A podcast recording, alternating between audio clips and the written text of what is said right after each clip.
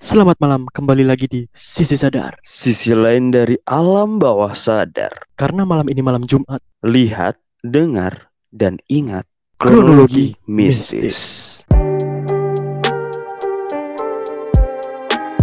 Kembali lagi bersama saya Riz Gavara. bersama saya lagi dengan Sena Sindu yang masih butuh buayan. Ini cuy, aku tadi tuh seharian ini kita uh, habis main kan, aku habis main. Anjir. main tuh. Habis Woi. main tuh aku tadi itu mampir ke Parangtritis tuh. Di situ tuh ada jalan baru kayak. Gak tahu itu jalan apa. Gede sih, lumayan gede sih. Anjay. Paling enak itu kalau kita mau ke Parangtritis tuh kita lewat itu, Cuk, lewat jembatannya tuh, Cuk. Jembatan apa sih? Jembatan ke Parangtritis kan kita kan sebelum sampai ke TPR itu kan kita Oke, lewat iya iya jembatan iya. kan. Itu Kalau ya kalau yang ke kiri. Hah? Kiri. Seru sih, maksudnya seru serunya tuh hamparan sungai yang lebar banget kan. ah iya iya. Tahu tahu tahu. Ya aku kayaknya kalau masalah jembatan ada cerita sih, Cang. Ini Cuk, yang dulu yang pernah viral di mana? Di Ponorogo tuh waktu banjir itu, Cuk. Oh, jembatan yang di Ponorogo. Iya iya iya. Itu di video entah itu hanya apa? Apa sih kalau dibilangnya kalau di dunia videografi itu apa ya? Pantulan cahaya atau apa ya? Jadi tuh Anu. kayak- yang terekam tuh kayak kapal itu kan. Ya, ya kayak Oh, Cuman ya itu mungkin ya mungkin dari sisi ininya sih pengambilan gambarnya jadi akhirnya kelihatan kayak kapal gitu. kayaknya sih kayak gitu. Iya kan. Ngomongin tentang jembatan nih ya. Intronya masuk masuk kan. Apa apa Cuk?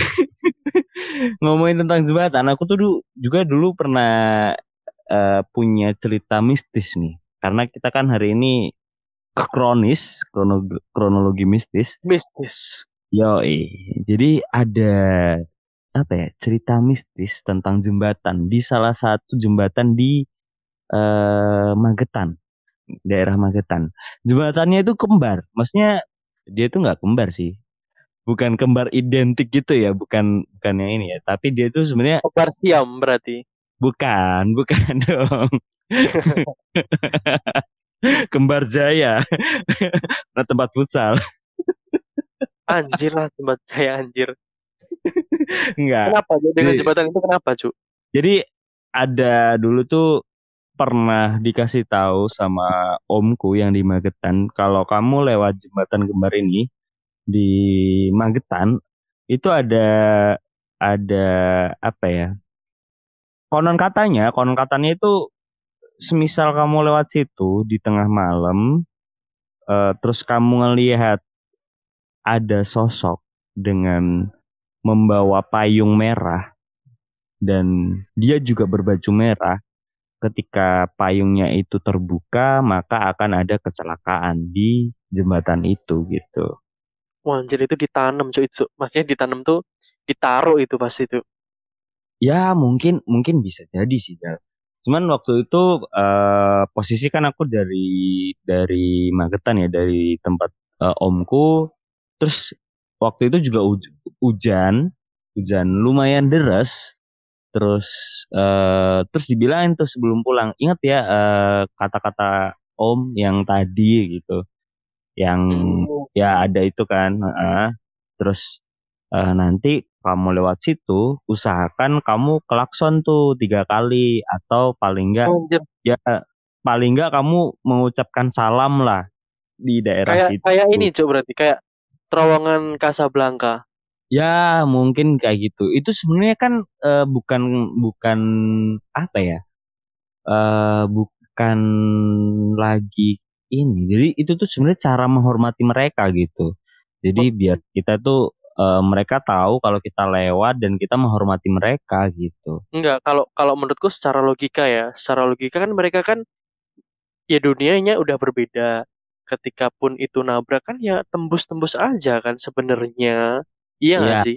Ah, Iya, cuman istilahnya mungkin kalau kita lewat depan rumah seseorang terus kita ngebut ya kan apalagi itu kan pasti eh, orang daerah situ kan pasti nggak terima kan makanya Oh, I see. cara seperti kayak gitu kita memberikan klakson atau kita paling nggak dalam hati lah nyun sewu lah kalau istilahnya Jawa itu. Iya, kayak misal kita ada kayak datang ke tempat yang kita Ya, merasa agak ini kita salam salam salam salam. salam gitu. dulu iya salam dulu gitu. Nah itu waktu itu benar sih, itu benar sih. ya. Nah waktu itu eh, pas pulang waktu itu tuh karena hujan deras ya. Waktu itu aku pakai masih pakai mobil pickup. Jadi keluarga tuh dulu mah ada pickup terus aku berdua sama mama aku kan. Jadi sama mama terus eh, mama waktu itu juga udah kayaknya udah kelelahan. Karena kita pulang udah udah lumayan larut malam sih. Di jam 11 malam sih kayaknya. Jam 10 jam 11-an lah. Dan waktu itu waktu itu hujan deras deras, deras banget kan. Sampai mau ke ini ke jembatan itu kan otomatis karena jalan itu tergenang air kan biasanya tuh kalau di daerah-daerah desa itu air tuh kayak menggenang gitu loh ke di bah- bahu jalannya gitu kan nah posisinya waktu Di bahu itu jalan iya di Oh, di bahu bahu jalan ada yang Di jalan. nggak? Iya iya iya iya. enggak dong anjing Kampret. Sender lah di bahu jalan. Iya, boleh boleh boleh. Nah, waktu itu di bawah jalan tuh ada ada ini pengerjaan kayak pelebaran jalan gitu loh, tapi pakai pakai as apa? Bukan bukan aspal, tapi pakai cor. Oke. blok. Nah, Mm-mm. pelebaran jalan. Nah, jadi otomatis yang sebelah kiri itu tuh kayak ditutupin buat eh, nggak bisa lewat gitu. Akhirnya kan makan jalan kanan kan. Makan jalan kanan, terus pelan-pelan kan itu udah mau mau, mau masuk ke jembatan itu karena karena pelan-pelan. Nah, aku tuh ngelihat waktu itu tuh eh, karena hujan ya, otomatis kayak kabut tuh kayak turun deres. Jadi penglihatan ke depan tuh kayak nggak nggak nggak terlihat jelas lah. Mm-mm. 5 meter sampai 10 meteran lah ke depan tuh masih masih kelihatan. Cuman ya kayak gitulah eh pakai lampu jauh kan akhirnya pakai lampu jauh. Nah, waktu itu aku ngelihat di di tengah jalan setelah ada perbaikan itu kan udah masuk ke jembatan tuh. Di tengah jalan tuh kayak ada ini Jal. Ini aku merinding sih. Di tengah Ada jalan tuh ada ini. Pernah ini nggak lihat kayak sesajen kayak di pura-pura gitu tuh. Iya iya tahu tahu tahu.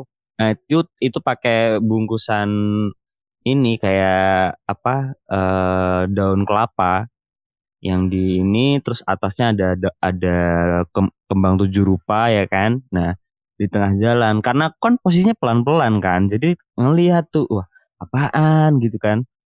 Wah, udah firasat. Udah Jangan-jangan mulai itu i- jangan-jangan ini cuk apa tumbal proyek cuk. Ya, anjir.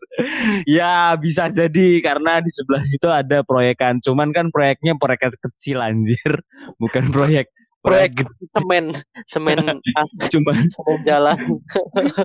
anjing.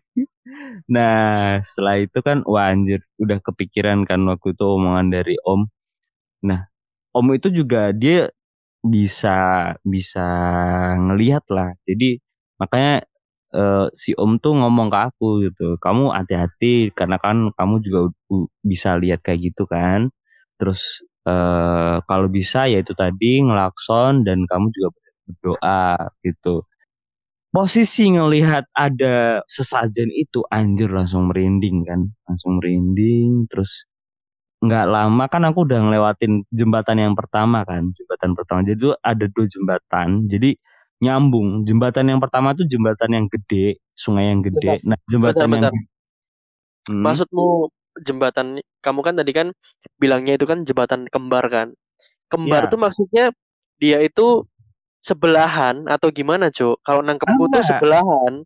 bukan sembelahan jadi jembatan kembar itu ada dua sungai yang Mm-mm. jaraknya tuh dekat nah Mm-mm. sungai yang pertama itu sungai utamanya nah itu ada jembatan terus di depannya itu ada jembatan yang kedua itu anak sungai dari jembatan eh dari sungai yang gede tadi.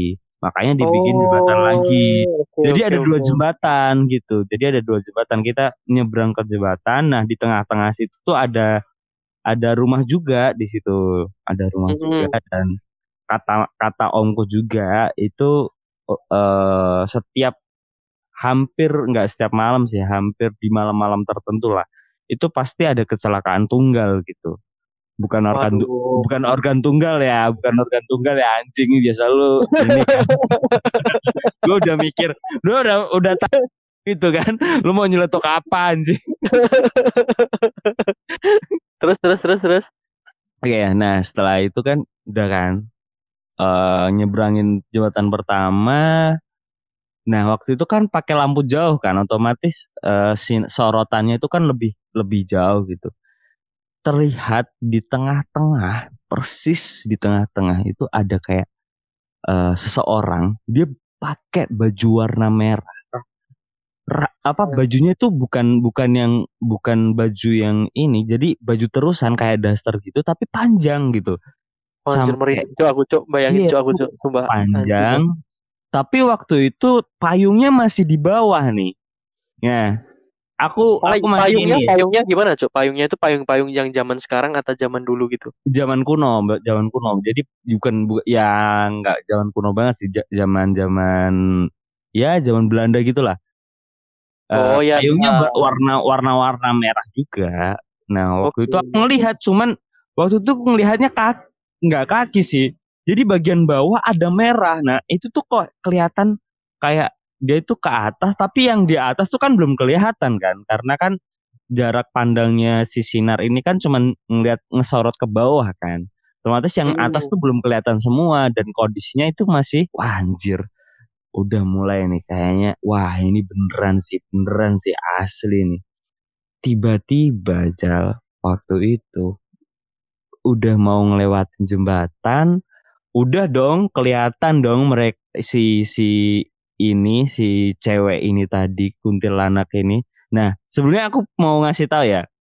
Jadi, sebelum kecelakaan terjadi itu, biasanya eh, orang-orang yang eh, mengalami kecelakaan itu mereka bilang kalau mereka itu melihat si cewek ini yang membawa Payung. payung merah ini, ketika dia mengangkatkan payungnya dan membuka, membuka payung, itu pasti mereka langsung kecelakaan dan nggak tahu kenapa tiba-tiba udah di pinggir jalan dan dia udah kecelakaan gitu.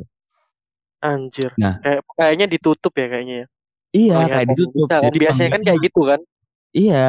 Jadi posisinya kalau semisal kamu ngelihat eh, si sosok ini dan dia udah mulai mengangkatkan eh, si payungnya itu dan mulai dibuka, itu kamu bakalan kecelakaan di situ gitu.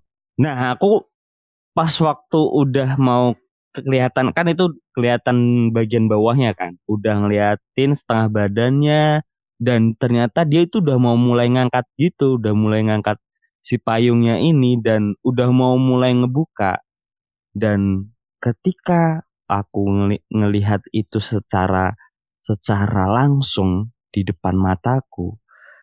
Tiba-tiba pas bener-bener pas di depan di depan eh, mobilku itu si si si cewek ini tadi tuh tiba-tiba kayak nggak jadi nggak jadi ngebuka tapi Terus?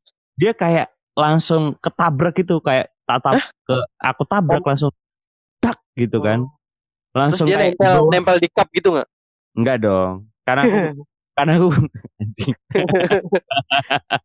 ambret jadi eh, waktu itu ngelihat ngelihat di bagian belakang langsung kayak anjir itu kan Alara gitu kan Wow. Eh, ada Alara di belakang dan dia itu ternyata megangin ini Eh. bagian belakangnya bagian belakangnya si tangannya si itu tadi si kuntilanak merah itu tadi yang bawa ini dengan mengikat apa namanya eh, leher si kuntilanak merah itu dan diangkat dengan ininya dia tuh ngikat-ngikat lehernya si kuntilanak itu dengan rambutnya si Alara yang panjang Bentar, Cuk.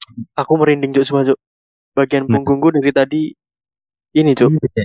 Anjir sumpah itu aku bener-bener Aku otomatis aku soalnya kalau diceritain kayak gitu tuh kayak ngebayangin gitu loh, Cuk. Anjir, terus iya. terus gimana? Jadi aku ngeliat dari spi- spion atas kan yang spion atas itu yang bagian belakang ngeliat belakang si Alar tuh udah ngangkat si kuntilanak ini dan akhirnya mereka kayak bombs gitu kayak meledak gitu sama satu lain nggak tahu kenapa dan eh, tiba-tiba kayak anjir gua merinding itu udah merinding banget dan ibuku tiba-tiba bangun dan ya udah kita kayak eh, nggak apa-apa ada apa ada apa nggak apa-apa kok mah nggak apa-apa. Cuman ya cuman ini kok tadi nge, nge- ngelewatin lubang. Sampai ke jembatan yang kedua nah di ke jembatan kedua ini tiba-tiba aku tuh masih masih ngerasa kayak ada yang berat gitu di mobil nih. Kayak kayak nggak jalan. iya kayak kayak nggak jalan gitu. Dan ternyata ternyata Alara sama si kuntilanak merah itu tadi masih di belakang masih di belakang mobil kita gitu. Oh, berantem, Cuk, berapa Cuk? Mas- masih ma- mereka masih berantem gitu masih masih berantem dan ketika udah di kayak si rambutnya Alara itu udah kayak mencabik-cabik badannya si kuntilanak merah ini kan kayak nusuk-nusukin pakai ininya pakai rambutnya Wah, Terus- anjir, Cuk. Cuk, serem banget, Cuk. Aku bayangin, Cuk, anjir lah. langsung kayak anjay gitu. Gue gue soalnya pelan-pelan kan karena hujan terus licin kan otomatis harus pelan-pelan dan aku nge- ngelihat ngelihat ke belakang terus jadi nggak kayak nggak fokus ke depan gitu. Terus akhirnya posisi si mobil ini juga berat kan karena ya itu tadi ada ada mereka itu tadi kan. Ketika udah selesai jedar udah udah mereka udah kelar aku udah ngelewatin jembatan itu mobil tuh jadi enteng banget dan akhirnya ya kita sampai rumah selamat tanpa eh, ada luka sama sekali gitu Nah, itu dan posisinya Hmm. ketika si siapa yang pakai payung itu berarti kalah kan tadi. Iya kalah si pakai payung itu tak kalah sama si Alara oh ya Waduh. buat teman-teman kalau mau tahu tentang ceritanya si Alara itu Bisa ada lihat video berikut ini. Iya, bukan di situ, bukan video dong. dengerin dengerin podcast kita yang di episode pertama si tentang Alara. Nah, itu eh, kalian bakal tahu apa sih siapa sih si Alara ini. Nah, Siapa sih jika kalian penasaran nih kan? Mari kita Iya. lihat kesehariannya si Alara iya. Kasih videonya anjing nggak gitu dong. Kayaknya ini, Cuk. Mungkin si yang pakai payung itu dia tuh kalah karena apa, Cuk? Masa kalah, Cuk? Ditusuk sama sa- apa? Ditusuk pakai rambut. Iya, jadi si Alara ini emang kekuatannya kan dia dia kan rambutnya panjang, jadi dia tuh kayak nusuk-nusuk badannya si ini. Jadi dia tuh nggak pakai tangan, dia nggak pakai tangannya dia. Dia tuh cuman rambutnya dia tuh kayak megang si lehernya si kuntilanak merah tadi dan beberapa rambut yang lain tuh nusuk-nusukin badannya. Jadi kayak ke- kelihatan banget nusuknya tuh kayak tembus langsung tembus ke belakang gitu. Ya waktu itu kayak belakang tuh ya kerasa gerudak geduk gerudak gitu. Jadi mama tuh langsung kayak apa sih ada apa sih enggak nggak apa-apa mah nggak apa-apa cuman ngelewatin ini kok nggak apa-apa nggak apa-apa gitu jadi aku cuma nenangin mama dan aku juga berusaha buat nenangin diri ya kan? Buat fokus ke jalan juga. Tapi setelah ngelewatin jembatan kedua itu udah selesai. Jadi kayak kayak nggak ada nggak ada apa-apa lagi gitu. Mobil jadi enteng terus ya kita sampai rumah selamat dan nggak ada kejadian apa lagi apa apa lagi gitu setelah itu. Ya cukup itu sih kayaknya tentang salah satu jembatan yang ada di Magetan kita nggak usah sebutin daerahnya cuman yang pasti itu juga salah satu urban legend yang ada di daerah sana Dan jadi Jadi- terus buat teman-teman yang mungkin punya cerita-cerita semacam itu, Ya. itu bisa nih eh, DM di Instagram kita, Sisi Sadar, Ya, silahkan dicari. Kalau misal kalian pengen cerita terkait pengalaman mistis kalian, kalian bisa DM tuh di situ. Yoi, kita kita membuka dan mungkin bisa dijadikan eh, di podcast kita, dimasukin ke podcastan kita dan tetap pantengin kita di Kronis yang Kronologi. mistis.